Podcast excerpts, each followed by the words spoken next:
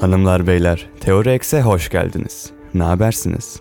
Bildiğiniz gibi geçen bölümde size heuristiklerden bahsetmiştim ve birçok durumda işimize çok yaradığını söylemiştim. Fakat bazı durumlarda da cognitive bias'lara sebep olabileceğini söylemiştim. Şimdi de size cognitive bias nedir ondan bahsedeyim. Hazırsanız Teori X başlasın.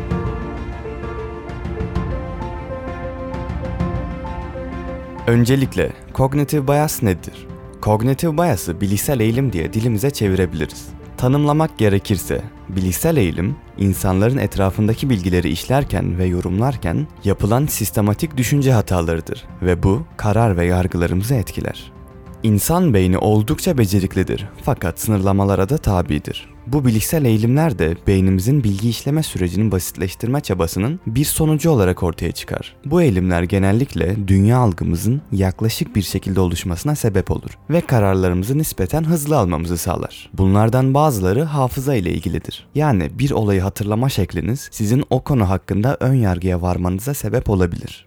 Bazıları ise dikkat ile ilgilidir. Dikkat sahip olduğumuz limitli bir kaynaktır ve bu kaynağı kullanırken seçici davranırız. Bu sebeple bu algılanması güç eğilimler fark etmeden bizim dünyayı görme şeklimizi ve düşünce yapımızı etkileyebiliyor.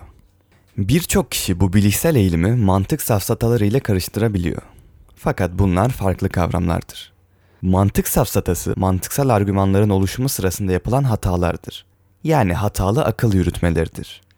Bilişsel eğilim ise fikir üretme sürecinde oluşan, hafıza, dikkat ve diğer zihinsel hatalardan kaynaklanan bir olgudur. Mantık safsatasının ne olduğunda ileriki bölümlerde değineceğim. Şu anlık askıda kalsın. Bu tarz fenomenlerin kötü tarafı kendimiz yaparken fark edemiyor olmamız. Ama bilişsel eğilimin ne olduğunu öğrendikten sonra etrafınızdaki insanların sık sık bu hatalara düştüğünü göreceksiniz. Eğer kendinizin de bu hataları yaptığınızı unutmazsanız ileride kendinizde de şahit olabilirsiniz. Maalesef şöyle bir durum var. Hatalı olduğumuzu kabul etmek birçoğumuz için çok zor geliyor ve o kocaman gururlarımıza yediremiyoruz. Bu sebeple bir tartışma sırasında bu eğilime düştüğümüzü fark etsek bile kendimize veya karşımızdakine yalan söylemek çok yaygın bir davranış şekli. Bu da bizim algılarımızın gelişmesini engelleyen bariyerlerden bir tanesi. İsterseniz size bu bilişsel eğilimin içinde olduğunuzun bazı göstergelerini sıralayayım. Yalnızca kendi görüşünüzü destekleyen hikayelere, argümanlara dikkatinizi vermek. Bir şey yolunda gitmediğinde dış etkenleri suçlamak. Başkaları yapabilirse şans, kendiniz yapabilirseniz başarı olarak görmek. Etrafınızdaki herkesin sizin görüş ve inançlarınızı paylaştığını sanmak. Ve son olarak bir konu hakkında çok küçük bir bilgiye sahip olduktan sonra konuya tamamen hakim ve hakkında her şeyi bildiğinizi sanmak. Kendinizi bunlardan en az birini yaparken yakalamış olmalısınız. Yakalamadıysanız da bundan sonra belki de yakalayacaksınız. Etrafınızdaki herhangi bir konu hakkında bir yargı veya karar verirken kendimizi çok objektif, mantıklı ve düşünme değerlendirme konusunda iyi olduğumuzu sanma eğilimindeyiz. Maalesef durum pek böyle değil. Bilişsel eğilimler bizi yanıltabilir, kötü kararlar ve yargılar vermemize sebep olabilir. Şimdi size birkaç tane mantıklı düşünmemizi engelleyen ve çok yaygın olan bilişsel eğilim örneği vereceğim. Bunlara kısaca değinecek olsam da ileriki çekeceğim bölümlerde tek bir eğilime ya da birkaç tane eğilime özel bölüm de çekmeyi düşünüyorum. İlk eğilimimiz Actor Observer Bias yani aktör ve gözlemci eğilimi.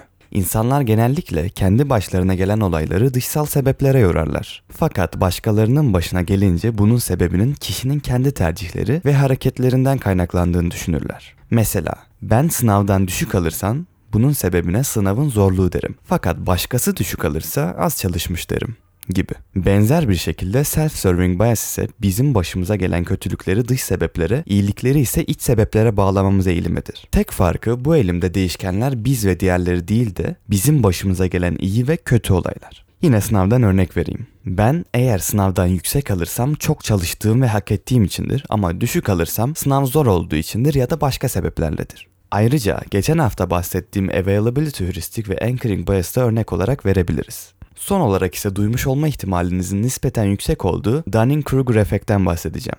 İnsanlar cahilken özgüvenleri tavan oluyor Biraz gelişmeye ve bir şeyler öğrenmeye başladıktan sonra özgüven azalıyor ve dibe vuruyor. Fakat en sonunda bir seviyeyi aşınca da özgüven yeniden artmaya başlıyor. Bunun örneğini etrafınızda çok fazla görmüşsünüzdür. Genelde bir konu hakkında hiçbir şey bilmeyen insanlar kendilerine çok fazla güveniyor ve her şeyi bildiklerini sanıyor. Ama ortalama bir bilgiye sahip olanlar ise düşüncelerini aktarırken nispeten daha çekimser oluyorlar. Son olarak da işin uzmanları da bildiğiniz gibi kendilerine güvenerek olaylara yorumluyorlar. Birkaç tane bilişsel eğilime örnek vermiş olduk. Şunu da söylemek gerekir ki biz bilişsel bir hata yaparken sadece tek bir eğilime düşmek zorunda değiliz. Aynı anda birkaç eğilime de düşmüş olma ihtimalimiz yüksek. Eğer bir karar verirken bütün seçenekleri düşünmek zorunda olsaydık en kolay işler bile çok fazla vaktimizi alırdı. Çünkü etrafımızda dolaşımda olan sonsuz bilgi var ve bunlar istifli bir şekilde de bulunmuyor maalesef. Bu sebeple bazı zamanlar hayat akışımızı hızlandıran zihinsel kestirmeleri kullanmamız gerekli oluyor. Bu kestirmelerin geçen bölümde bayağı bir üzerinde durmuş olsak da şunu hatırlatmakta fayda var. Hüristikler yani zihinsel kestirmeler bazen şaşırtıcı bir şekilde net çıkarımlara varmamıza sebep olsa da bazı zamanlarda hata yapıp kognitif bias yapmamıza sebep olabilir.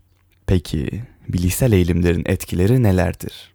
Komple teorileri birçok zaman bu bilişsel eğilimlerin etkisi altında gelişir. Şunu da söylemem gerekir ki bilişsel eğilimler her zaman kötü değildir. Hatta psikologlar birçoğunun uyum sağlamaya yönelik bir amaca hizmet ettiğine inanırlar. Hızlıca karar vermemizi sağlarlar. Bu tehlikeli bir durumla yüzleştiğimizde bizim için çok önemli bir özellik olarak ortaya çıkabilir.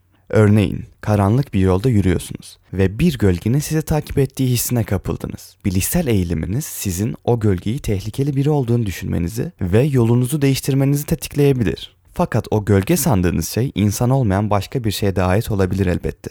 Ama söylediğim düşünceye kapılmak bizim tehlike anında tetikte olmamıza sebep olur ve hayatımızı kurtarabilir. Bunu da kesinlikle yaşamışsınızdır diye düşünüyorum. Yalnız başına bir yolda yürürken özellikle de hava karanlıksa arkanızda duyduğunuz sesleri veya gölgeleri genellikle kötü şeylere yorarız. Bunun sebebi bilişsel eğilimlerdir.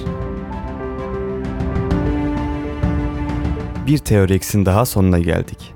Bu bölümde bilişsel eğilimleri güzelce incelemiş olduk. Bundan sonraki süreçte bu eğilimlerin bazılarını biraz daha ayrıntılı olarak işlemeyi amaçlıyorum. Umarım bu eğilimleri öğrendikçe farkındalık geliştirip zihinsel hatalara düşmenin önüne geçebiliriz ve insan 2.0'a ulaşabiliriz. Bu bölümde benimle birlikte olduğunuz için teşekkür ederim. Eleştiri ve yorumlarınızı bekliyorum. Beni YouTube, Spotify ve Apple Podcast'ten Sincapsı Teoriler adıyla takip edebilirsiniz. Bir sonraki bölümde görüşmek üzere. Hoşçakalın.